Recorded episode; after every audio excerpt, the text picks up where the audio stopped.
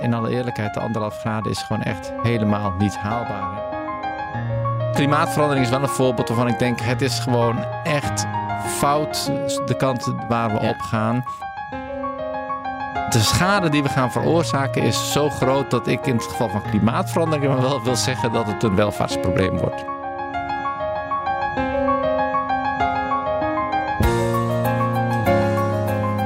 Hoe welvarend is Nederland? Krijgt de komende generatie het beter of slechter?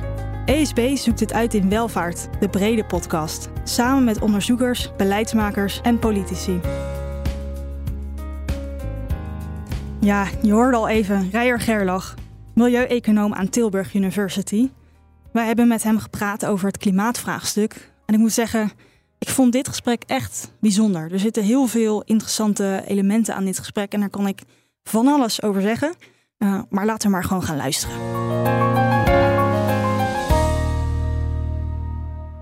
Welkom bij aflevering 4 alweer van onze serie over welvaart. Jasper zit wederom vandaag naast mij. En Jasper, volgens mij heb jij onze gast gisteren al ergens gezien, of niet? Ja, ja ik was gisteren um, bij de Impactdag van de Nederlandse Economie Decanen. Dat gaat een beetje, laat ze een beetje zien en willen ze een beetje laten zien en ook wat input ophalen over hoe de economie uh, faculteiten meer maatschappelijke impact kunnen hebben. En onze gast was daar, dat is Rijer Gerlach. Rijer, hoe vond jij het gisteren uh, bij de Impactdag? Nou, het was een lange dag. en uh, het is leuk om al die mensen te ontmoeten. Uh, het is intensief. En uh, het, het, doel van de meeting was dat het is overigens niet alleen economie, het is ook bedrijfskunde. Uh, dat de decanen hebben bedacht, wij willen meer maatschappelijk betrokken zijn als wetenschappers. We denken dat economie en bedrijfskunde, dat we dat iets te veel hebben een, een, een, een, puur wetenschappelijke ingang hebben gegeven. En um, dat, dat we maatschappelijke verantwoordelijkheid hebben die we eigenlijk moeten leren kennen. En de meeting van gisteren was daarvoor bedoeld om elkaar te helpen. Hoe kunnen wij nou meer betrokken zijn, meer, meer onze relevante kennis ook inzetten in het maatschappelijk debat? Ja. Ik denk dat dat ook mooi aansluit bij het, uh, bij doel van deze podcast-serie. Uh, Rijer, nogmaals, uh, goed om je hier bij ons in de studio te hebben. Ik ben eigenlijk allereerst benieuwd naar hoe jij terecht bent gekomen bij het onderwerp van milieu- en klimaateconomie en wat jouw passie hiervoor is. Ja, dat is een ingewikkelde vraag. Waarom is een mens zoals het is geworden? Waarom ben ik wie ik ben? Maar uh, goed, ik heb, er ook, ik heb er toch zelf ook natuurlijk ook over nagedacht. Ik denk, misschien is het wel begonnen bij, uh, bij mijn geboorte. Ik ben geboren in uh, de oerwouden van Suriname, in de randen van de Amazone. En dat is een hele mooie omgeving. Ja. Met, met de hoogste biologische rijkdom op aarde misschien. Hè? Uh, mijn ouders die waren maatschappelijk betrokken, die waren arts uh, in het oerwoud. En die zijn daarna, we zijn daarna naar Nederland teruggekomen. Of zij zijn naar Nederland teruggekomen. En ik ben meegekomen. Ja, we zijn, zijn een paar keer heen en weer geweest. Okay. Dus de, de laatste keer was ik 15, dus in het midden van de middelbare school. En uh, ja, die betrokkenheid natuurlijk geven ze door aan hun kinderen, in ieder geval aan mij. Mm -hmm. Dus ik kon heel goed rekenen, zou ik maar zeggen, was een witskid. Dus ik ging wiskunde doen, maar ja, ik wilde ook iets maatschappelijks relevant doen. En wat is nou maatschappelijk belangrijk, hoe de economie werkt. Uh, dus toen dacht ik, ik combineer dat met economie. Uh, ik heb ook econometrie gedaan en toen uh, was ik klaar met mijn studie. En toen, ging ik bij, toen dacht ik, ja, wat doe ik nou? Ik wil eigenlijk niet wetenschap in een ivoren toren doen. Ik wil iets doen met het milieu. Toen ben ik bij het Instituut voor Milieuvraagstukken gaan werken. En dat was in de tijd dat, uh, dat was in de tijd dat klimaatveranderingen opkwam als hot onderwerp. Dat de wetenschappers zeiden we hebben een probleem. Ja. En de meeste mensen wisten het nog niet zo. En uh, ja, dan rol je natuurlijk in, in die subdiscipline. Ja, en ik, ik heb het idee, zeker de laatste paar jaren is het, leeft het maatschappelijk ook steeds meer het, het klimaatthema. Ik weet niet of ook dat jouw, jouw impressie is. Uh...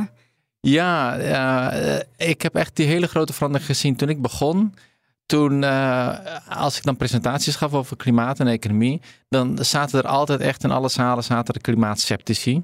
Mhm. En eh, dat was, het was elke keer was dezelfde strijd. Je kwam met het verhaal, met de analyse van hoe het klimaat verandert door uh, onze uh, gebruik van fossiele brandstoffen. En dan kwamen ze met een standaardlijst met tegenargumenten waarom het niet klopte. Mhm. En die moest je dan allemaal gaan beantwoorden. En als je er eentje vergat te beantwoorden, dan werd er gezegd: zie je wel, Ja. klimaat verandert niet. Of het is, zie je wel, het is niet erg. En dat zie je dus tegenwoordig eigenlijk nauwelijks meer. Hm. En, en nu is eigenlijk wel, de meeste mensen hebben nu geaccepteerd dat Ja. we het klimaat aan het veranderen zijn en dat dat vervelend is. En hoe, hoe groot is het probleem, als, als jij het even als expert eh, goed en duidelijk wil schetsen? als ik eerlijk mag zijn, het probleem is echt veel groter dan dat de meeste mensen eh, beseffen. Ehm, Leg uit. nou ja, het, het wordt heel veel warmer. en de wetenschappers zijn er echt mee bezig. Die zeggen van het wordt zoveel warmer dat het eh, eh, onhoudbaar wordt gewoon voor mensen. Dat het, eh, het, is niet, al- het is goed mogelijk dat op een gegeven moment mensen, zou ik maar zeggen, smiddags de straat niet meer op kunnen. Omdat de hitte boven de temperatuur is in sommige steden op de wereld. Hè, boven de temperatuur die het li- lichaam kan verdragen. Het is, en op het moment dat we dat werkelijk gaan zien, dan, eh, ja, dan moeten we gaan geoengineering heet dat. Gaan we zonlicht kunstmatig tegenhouden. Op het moment dat we zonlicht kunstmatig tegen gaan houden. En daar zijn wetenschappers mee bezig. Hoe kunnen we dat gaan doen? Mhm. Als we dat gaan doen, dan beseffen we, ja jongens, dat is ook maar een tijdelijke oplossing. Want dat moet je elke keer opnieuw doen. Dan gaan we CO2 uit de lucht halen. Dus je moet eigenlijk nu beseffen, we weten nu al dat we na 2050 de CO2 die we nu uitstoten, weer straks uit de lucht moeten halen. Zo erg is het. Ehm, ja, ik weet niet of ik dat nog verder uit moet werken. Nee, volgens mij is het vrij helder. Eh, ja, eh, je, je kijkt hier naar technische oplossingen. Ehm, dat leg je netjes uit. Je hebt ook eh, gewerkt voor het IPCC. Dat is een wereldwijde club die maakt een eh, rapportage waarin ze uitleggen hoe staat het met het klimaat, hoe gaat het, eh, wat kunnen we verwachten en wat zijn de verwachte effecten van klimaatmaatregelen. Kun je, kun je wat vertellen over dat werk wat je bij het IPCC gedaan hebt? Het is al in 2014 geweest, maar is denk ik toch even relevant om te horen. Ja, het is, eh, het is op zich heel leuk werk. Het is een organisatie vanuit de Verenigde Naties. En daar kom ik straks op terug waarom dat echt heel belangrijk is. Het principe is, je hebt, eh, je, hebt, eh, je hebt werkgroepen en binnen werkgroepen heb je dan hoofdstukken. En ik was dan de redacteur van hoofdstuk 5 in de derde werkgroep. En dan heb je een team van 20 collega-wetenschappers van over de hele wereld. En dan heb je nog meer 20 collega-wetenschappers. Dat zijn dan de supporting wetenschappers. En wat je doet is met dat team verzamel je alle kennis die er is in de literatuur. Over het onderwerp waar jouw hoofdstuk over gaat. Bij mij was dat waarom gaan de emissies eigenlijk omhoog of omlaag? Dat was Mhm. de vraag die mijn hoofdstuk moest beantwoorden. Dus je verzamelt alle literatuur erover en dat probeer je op een nette manier op te schrijven. Nou, helder. En eh, dat is heel helder. En het grappige is, de hoofdstukken die zijn dus al door de Verenigde Naties bepaald. Je mag niet zelf alle materiaal samen denken, nou dit is de manier Hmm. waarop we het opschrijven. Nee, er staat van tevoren al vast. Dit is de titel van de eerste sectie in je hoofdstuk. Dit is de titel van de tweede sectie. daarvan? Nou, ehm, dat is dus heel beperkend voor een Ja. wetenschapper. Aan de andere kant, het helpt je ook wel dat je niet, zou ik maar zeggen, van het pad afraakt. Hè? Je, het is duidelijk wat je geacht, welke vragen je geacht wordt te beantwoorden. Het is heel lastig. Die wetenschappers, eh, voor een deel zijn dat eh, collega goede wetenschappers, voor een deel zijn het politieke benoemingen. Eh, dus je hebt, zou ik maar zeggen, als redacteur heb je een best wel een complexe taak om iedereen eh daarbinnen te houden. En aan het eind, na vijf jaar, heb je dan een hoofdstuk geproduceerd. En aan het eind wordt dat hoofdstuk ook samengevat, want eh, dat zijn hele dikke boeken, die zijn veel te dik. En dan komt het, die samenvatting moet worden goedgekeurd door alle landenvertegenwoordigers. Dat gebeurde toen in Berlijn, 2014. En de samenvatting die wij hadden gemaakt van ons hoofdstuk werd niet goedgekeurd. In ieder geval, Hm. eh, een deel daarvan werd niet goedgekeurd. En je moet je echt voorstellen, je zit daar een week bij elkaar en die samenvatting, daar wordt regel voor regel wordt die voorgelezen. En dan mag ieder, eh, elk land, elke vertegenwoordiger van elk land mag zeggen of ze daar een woord willen veranderen, een punt willen veranderen. Ja. En dat gaat ook zo. Maar het is toch een raar verhaal. Ik bedoel, je hebt als wetenschapper de literatuur gelezen en samengevat op basis van je expertise. En dan gaat daar vervolgens een politicus zitten of iemand die, een ambtenaar die daar namens politici ga- gaat zitten. Want die politici die zitten daar zelf natuurlijk niet, hè? dat zijn de ambtenaren. En die ambtenaren zeggen vervolgens, de literatuur heeft u niet goed gelezen, meneer Gerlach? Nee, nee. uh, dus inderdaad. Maar dit, deze samenvatting die heeft expliciet als doel om het beleid te helpen bij bijvoorbeeld de onderhandelingen die in Parijs waren later. Ja. Dus, uh, ze, aan deze kennis hebben wij niks. Dat is precies het punt dat ze maken, waarvan jij natuurlijk kunt twijfelen, waarvan je dan denkt als wetenschapper, u bedoelt iets anders, deze kennis komt ons niet uit. Hm. Want dat was dus duidelijk het geval. Er werden bepaalde delen, bepaalde figuren, die mochten we niet in de samenvatting hebben, want die kennis kwam bepaalde landen, Brazilië, China, uh, Saudi-Arabië, niet goed uit. En toen hebben ze dus gezegd, die willen we niet in die samenvatting hebben. En toen hebben wij gezegd, maar je kunt niet als wetenschapper, je kunt niet, zou ik maar zeggen, willekeurig een paar grafieken eruit halen, want dan wordt het plaatje wordt ongebalanceerd. Mhm. Dan moeten ook die complementaire plaatjes eruit en het verhaal erbij. En zo is de helft van mijn hoofdstuk eigenlijk zo. is eh, verwijderd. En wat zat ze dan, even heel kort hoor, maar wat zat ze dan specifiek dwars? Nou, kijk, dus wij moesten kijken naar wat zorgt voor de stijging van de emissies of eventueel de daling. En als je naar de data kijkt, dat is heel duidelijk. In het verleden hebben de rijke, momenteel rijke landen de meeste emissies uh, veroorzaakt. Uh, in de toekomst zijn het de zogenaamd opkomende landen. En uh, nou, dat is de ene deel van de kennis. En de andere kennis, als je kijkt naar de sectoren. het zijn vooral de energie-intensieve en de, elektriciteitssectoren die die emissies veroorzaken in die opkomende landen. Die kennis dat we dus na moeten denken over zowel historische verantwoordelijkheid, maar ook over de toekomstige verantwoordelijkheid. Die kennis kwam niet goed uit in het onderhandelingsproces en dat moest eruit.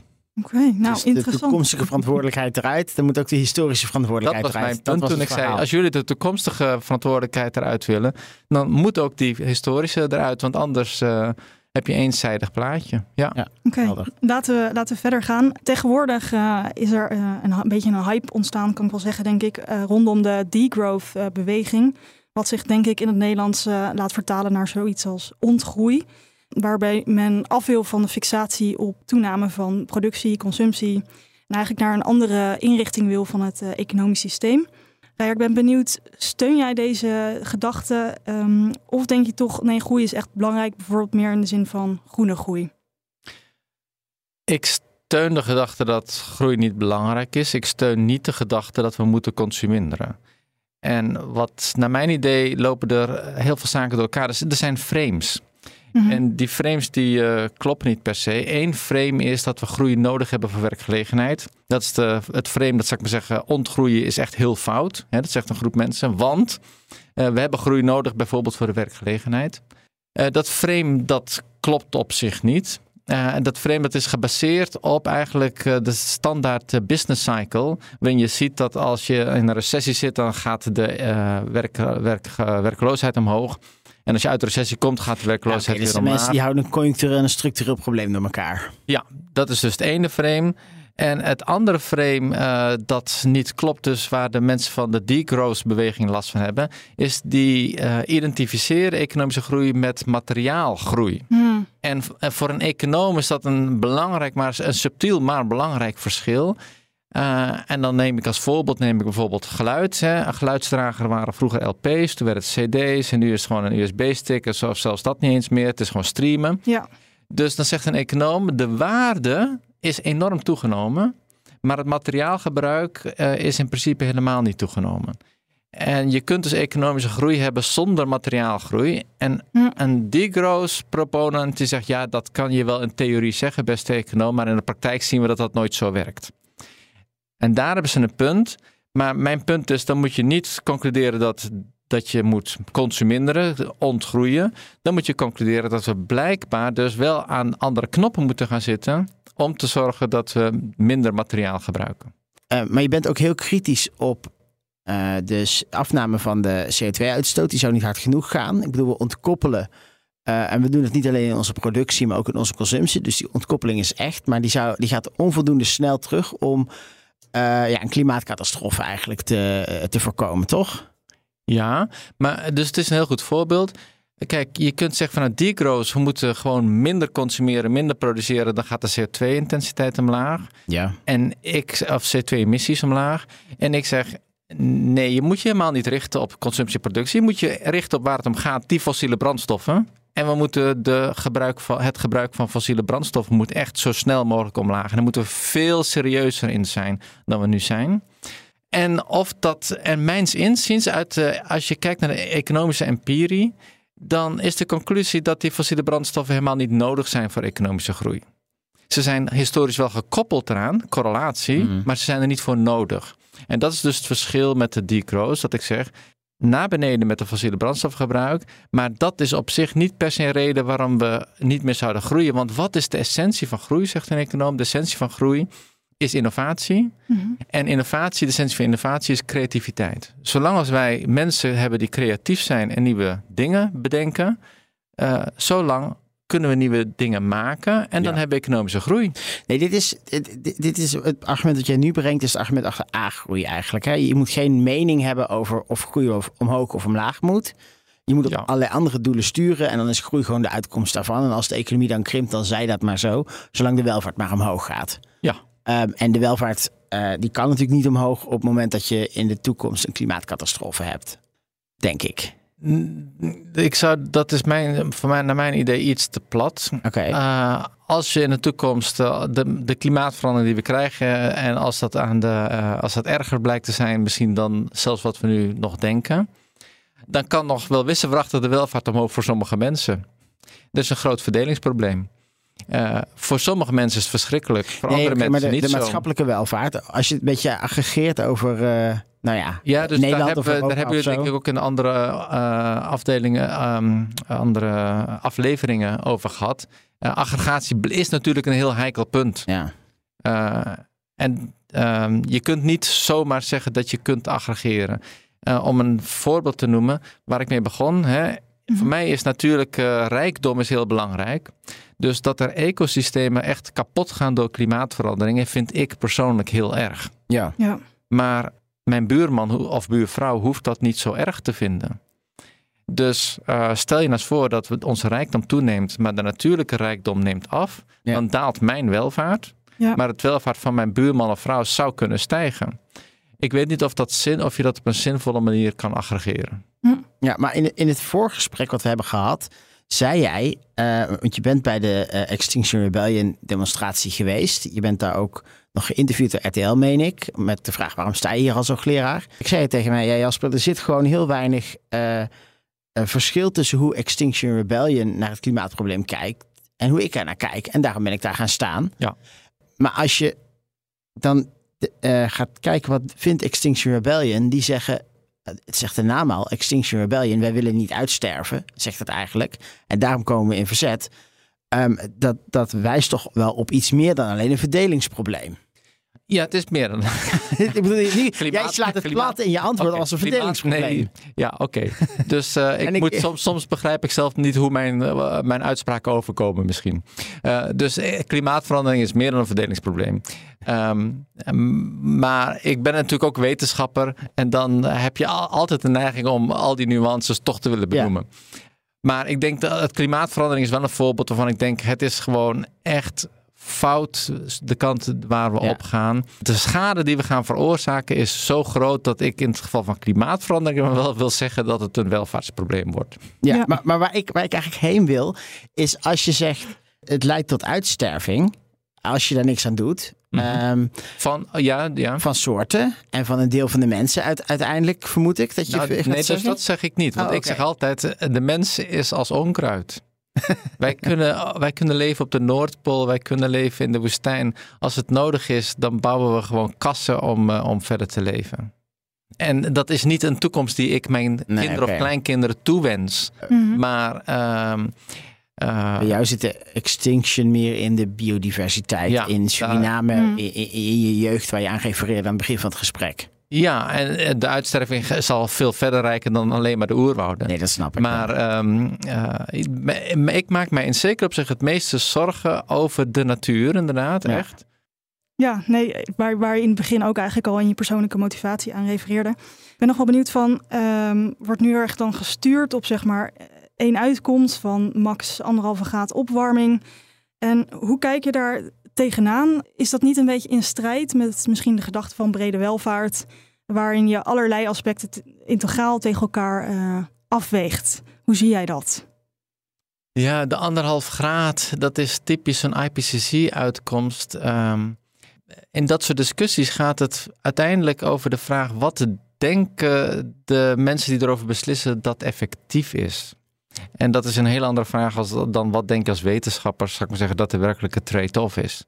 Mm En uh, dus de IPCC heeft ervoor gekozen om met scenario's te werken. Met het idee dat uh, scenario's beelden over de toekomst. Dat dat de manier is waarop je mensen kan uitleggen uh, hoe het probleem in elkaar steekt. En ze heeft op een gegeven moment ervoor gekozen om te zeggen: Nou, we moeten gewoon een target noemen. Want 2 graden Celsius en later werd het anderhalf graden Celsius.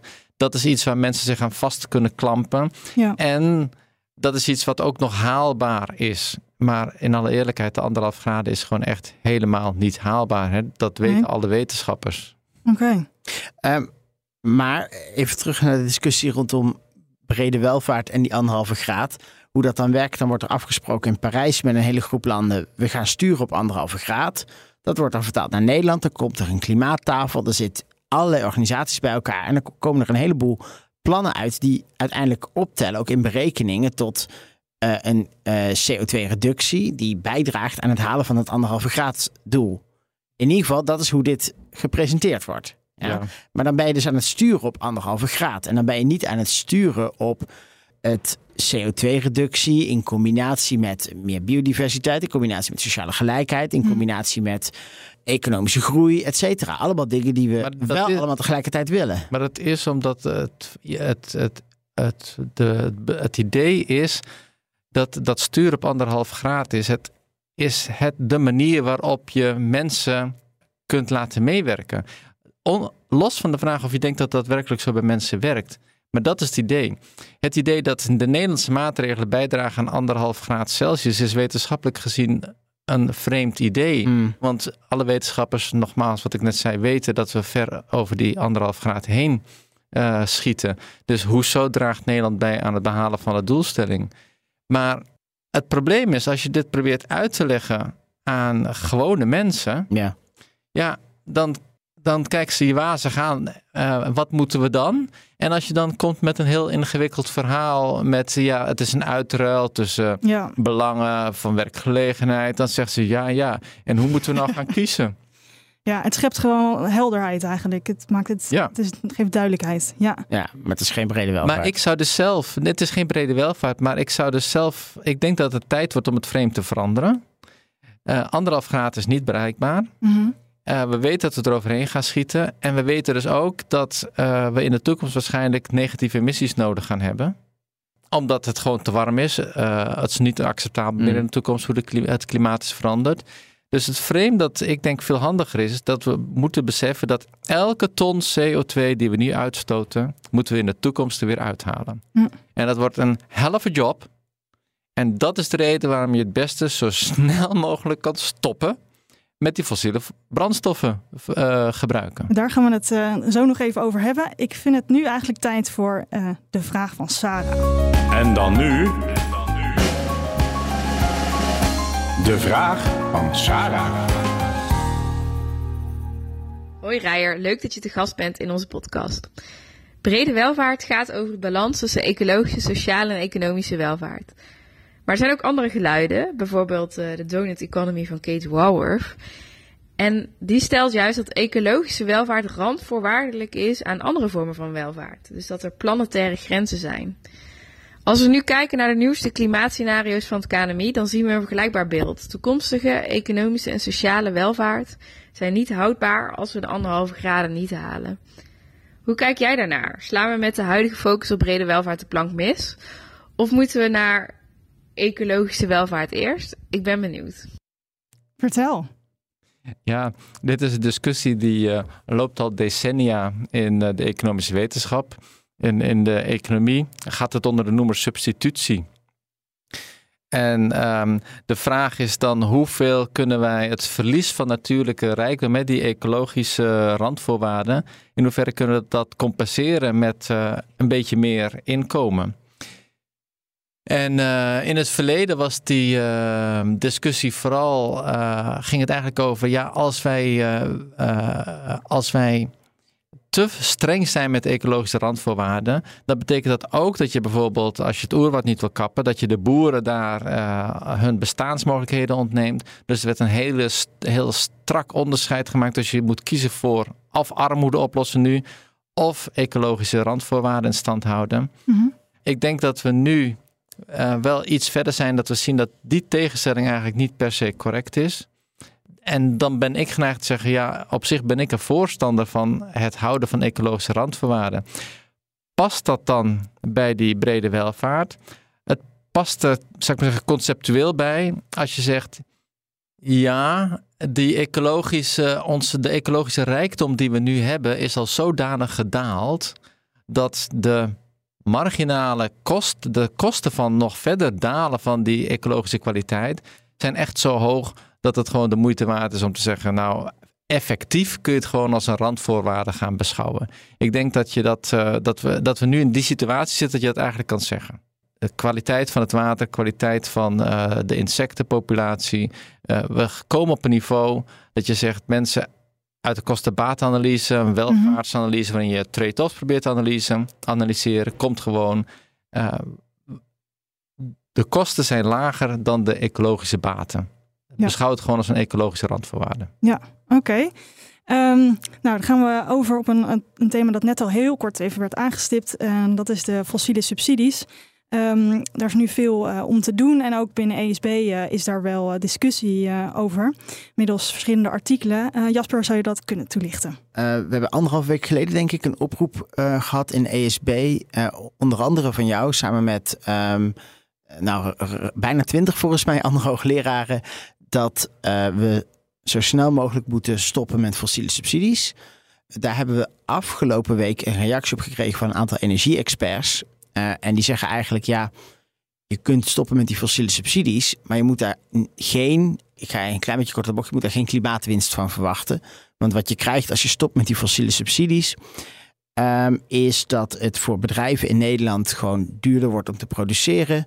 Dan zullen ze dus iets minder produceren in Nederland. En dan kopen zij ook minder CO2-emissiecertificaten. Uh, Daardoor is er in Europa iets minder vraag naar die CO2-emissiecertificaten. Daalt de prijs van die certificaten. En dat leidt ertoe dat er elders in Europa aan de marge iets meer uitgestoten wordt. Dus het netto klimaatimpact is nul. Uh, maar wat je wel doet, is je zet het eigen Nederlandse bedrijfsleven op achterstand. En nu zijn er natuurlijk wel, staat in dat stuk een aantal redenen om het misschien toch te doen. Bijvoorbeeld omdat je denkt uh, dat, je de bedrijfs, dat je het bedrijfsleven sneller moet laten innoveren uh, en sneller hier moet laten wennen. Dat je die subsidie, of dat je die subsidies voor het bedrijfsleven vanuit een rechtvaardigheidsperspectief sowieso uh, onrechtvaardig vindt. Nu, nu vroeg ik me af, hoe kijk jij naar dat die kritiek, dus het waterbedeffect hè, via dat emissiehandelssysteem. Hoe kijk je daar nou naar? Dat zijn heel veel vragen tegelijkertijd. Okay. Dus uh, uh, je mag me straks weer helpen te herinneren als ik uh, van het pad afraak. Ja. De, de eerste vraag is, is het eigenlijk wel effectief, uh, het afschaffen van de fossiele subsidies? Ja, en, en jullie zeggen van wel. En we hebben al in Europa een heel goed werkend instrument, de ETS. Ja. En ik begrijp dat, uh, dat dat niet bij iedereen bekend is. Dat is bij de schrijvers van de brief wel bekend. Dus de schrijvers van de brief die begonnen ook, de eerste paragraaf, was niet over uh, dat we fossiele subsidies willen afschaffen voor, voor minder uh, emissies op de wereld. De brief begon ermee, het is gewoon echt heel onhandig. Het is alsof je, je hebt de airconditioning aan, dat is de Europese ETS. En de airconditioning zegt dat mag niet meer dan 20 graden worden in je kamer of anderhalf graden zeg op de wereld. En tegelijkertijd zetten we de verwarming aan. En uh, dat zijn die fossiele subsidies. En dan kun je zeggen, ja, het is toch niet erg dat we verwarming aan hebben. Want we hebben die airconditioning toch ook. En die zorgt wel dat het koel cool blijft. Maar dat is niet ons argument. Ons argument, het is echt heel inefficiënt om en een airconditioning en een verwarming tegelijkertijd aan te hebben. Dus het eerste punt is echt een heel ander punt. Het is vanuit het Nederlands oogpunt, het is gewoon jammer van het belastinggeld van alle mensen dat we dat aanzetten in twee verschillende richtingen die elkaar tegenwerken. Het zou de Nederlandse burger heel veel geld schelen als we dat niet zouden doen. Dan komt het tweede argument. Maar die fossiele subsidies die hebben eigenlijk geen effect op, op de totale emissies in Europa. En dat is denk ik niet waar. En dat staat ook, als je dat stuk goed leest, staat dat elders ook in dat stuk dat dat niet zo duidelijk is. Het stuk van de, van de, van de mensen die kritiek hebben op onze eerste brief. Namelijk, we hebben in Europa niet alleen een emissiehandelssysteem, het ETS, we hebben ook de Market Stability Reserve, de MSR. Ja. En de MSR is zodanig ingericht dat eigenlijk als een land een uh, beleid heeft voor een beperkt aantal bedrijven, dan zijn er nauwelijks nog weglekeffecten of waterbedeffecten. Die zijn eigenlijk voor het grootste deel gecanceld door de MSR. Dat staat er ook uh, verderop in het stuk, maar het wordt, en dat is een beetje apart vind ik, dat begrijp ik niet helemaal, dat wordt niet toegepast uh, op deze vraag, terwijl die hier wel toegepast zou moeten worden. Dus wat er gebeurt, is dat als Nederland uh, de fossiele subsidies afschaft en de vraag naar emissierechten neemt af in Nederland, dan is het niet zo dat er zomaar de prijs in de ETS omlaag gaat en er meer vraag ontstaat in andere landen. Nee, dan is het zo dat er meer emissies ongebruikt blijven. Die gaan de MSR in en die worden in de MSR gecanceld. Ja, automatisch. Daar hoeven we helemaal niks voor te doen. Dus dat is het tweede punt waarvan ik denk, nou de maatregelen hebben wel effect. En het derde punt is, ik denk, het wordt onderschat dat de maatregelen echt dynamisch op de lange termijn, op wereldniveau, een veel groter effect hebben. Als je fossiele subsidies afschaft en je dwingt Nederlandse bedrijven om groen te innoveren, mm dan worden die innovaties wereldwijd gebruikt. En dat kunnen we zien in de data. Mhm. We zien in data dat groen beleid, milieubeleid leidt tot groene innovaties. We zien in de data dat groene innovaties worden gebruikt in andere landen en daar tot meer groene innovaties leiden. Dus als Nederland voorop wil lopen in plaats van, zou ik maar zeggen, ergens in de middenmoot. En Nederland zegt nee, wij zijn een rijk land, we hebben historisch veel CO2-emissies en daarom vinden wij het oké dat wij voorop lopen in onze inspanning, mhm. dan levert Nederland echt een feitelijke bijdrage aan de emissiereductie op de hele wereld. Kortom, uh, Rijer, jij blijft bij je punt. Schaf de fossiele subsidies af. Is er nog één ander uh, ding dat uh, de politiek of beleidsmakers of het bedrijfsleven echt moet gaan doen? Nog één ding? Nou, iets, wat is nou uh, echt nog een, uh, los van het afschaffen van de uh, fossiele subsidies waar je voor pleit, is er nog iets in, in ja, persoon? Je moet, je moet aankaarten. bedoeld is, wij, pra wij praten over anderhalve week met Mickey Adriaansens, de minister van Economische Zaken en Klimaat. Is er iets wat zij aan haar opvolger moet meegeven, wat jou betreft? Ja, ik, ik denk dat we in Nederland echt onze houding kunnen verbeteren naar, naar van het is moeilijk, wat op dit moment de houding is. Het is moeilijk. Oh, alsjeblieft, eh, die fossiele subsidies, kom er niet aan. Want het is toch al zo ingewikkeld uh, om besluiten te nemen. Naar mensen, we weten waar we willen staan. We willen naar een fossielvrije samenleving. Laten we nu stoppen met, uh, zou ik maar zeggen, te proberen het zo, zo voorzichtig mogelijk te doen. Laten we de focus leggen op hoe kunnen we daar zo snel mogelijk komen. Het is heel soft, maar ik denk dat het echt en heel belangrijk en heel effectief is. Als je je focus verschuift naar hoe kunnen we de pijn zo klein mogelijk maken, naar hoe kunnen we zo snel mogelijk samen in Nederland komen waar we willen zijn, dan wordt de stemming heel anders en dan wordt de uitkomst ook heel anders, veel positiever. En gaan we dan van ehm, fossiele subsidies naar subsidies voor verduurzaming voor bedrijven? Staan we het bedrijfsleven op een andere manier gaan steunen? Of zeg je nee, we moeten gewoon stoppen met fossiele subsidies en heldere regels stellen voor bedrijven wat ze, wat ze wel moeten doen en door die, door die pijn moeten ze maar heen? In eerste, een econoom zegt in eerste instantie moet je gewoon dus inderdaad reguleren. Ja. Je legt gewoon de beperkingen op die nodig zijn. In overgangssituaties waarin nieuwe technologieën moeten worden ontwikkeld, uh, zegt de econoom standaard, subsidie is geoorloofd. Uh, omdat er een, uh, er is een zogenaamd spillover effect. Uh, als een bedrijf een nieuwe productiemanier ontwikkelt die minder CO2 veroorzaakt, dan wordt dat ook gebruikt door andere bedrijven. Die voor, de publieke voordelen van dat soort innovaties, die zijn vooral heel groot aan het begin van de transitie. Dus mm. aan het begin van de transitie zijn subsidies voor groene innovaties geoorloofd. En waar staan we dan nu? Aan het begin. Aan het begin. Dus als Tata zegt, uh, wij zijn de grootste uitstoter van Nederland op allerlei fronten maar wij gaan dat nu groen doen, dan moeten ze gewoon een paar miljard kunnen krijgen. Niet gewoon. Je moet natuurlijk altijd een goede business case maken. nee, nee, maar dat is wel belangrijk. um, uh, maar in principe ben ik niet tegen subsidies voor het vergroenen van staalproductie. Oké, ehm, we gaan een beetje afronden. Uh, ik begon met een persoonlijke vraag. Uh, ik ga ook eindigen met een beetje een persoonlijke vraag. Uh, we hebben lang inhoudelijk ehm, gepraat over het klimaatvraagstuk, ook in jouw rol als, als wetenschapper. Recent ook de stap wat meer naar activisme gezet, zoals net al even aangestipt. Waarbij je bij een demonstratie van Extinction Rebellion aanwezig was. Ik, ik, vraag me af, hoe heb je die, die afweging gemaakt? Ik kan me voorstellen, aan de ene kant wil je je onafhankelijkheid behouden als wetenschapper. Aan de andere kant heb je misschien ook een sterke motivatie om meer te doen dan dat. Ik eh, denk dat ik in 93 begonnen ben met mijn promotieonderzoek. Uh, dus ik heb zo'n 30 jaar onderzoek erop zitten. En ik heb mij altijd opgesteld gewoon als de objectieve wetenschapper die niks anders doet dan analyseert en rapporteert. Mm -hmm. En ook bij de IPC, wat ik net zei, is in principe dat wat we doen. Je leest literatuur, je schrijft gewoon op wat je vindt in de literatuur. En als ik eerlijk ben, op een gegeven moment ontdekte ik dat ik daar toch eigenlijk wel gefrustreerd van raakte. Want wat ik ook opschreef, het lijkt er niet op dat daar heel veel mee gebeurt. Ja. En um, ja, ik heb dan kennissen, zou ik maar zeggen, vrienden bij Extinction Rebellion. Mm -hmm. En uh, je praat natuurlijk mee en die vroegen mij zo nu en dan om te, uh, kon ik eens een presentatie geven, mijn kennis uh, delen met, met hun mensen. En daar gaf ik aan toe, daar deed ik aan mee. En op een gegeven moment kwam de vraag, zou ik ook een keer willen meedemonstreren?